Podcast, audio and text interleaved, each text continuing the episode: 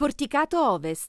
Il porticato che circonda l'Agorà è una costruzione monumentale semiaperta, in modo da poter proteggere le persone dal sole nelle giornate calde, dalla pioggia e dal freddo con clima più duro.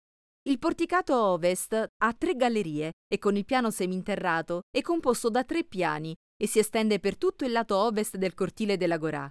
Il piano sotterraneo del porticato, che venne costruito sulle fondamenta della stoa esistente nel periodo ellenistico, venne suddiviso in più vani e venne trasformato in una cisterna nel periodo bizantino.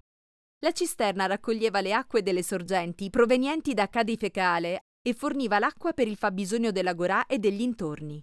Ancora oggi il condotto d'acqua in terracotta che trasportava l'acqua alla città bassa si può vedere nel piano sotterraneo del porticato ovest, si calcola che la cisterna tutta piena d'acqua avrebbe potuto servire per 7.000 persone.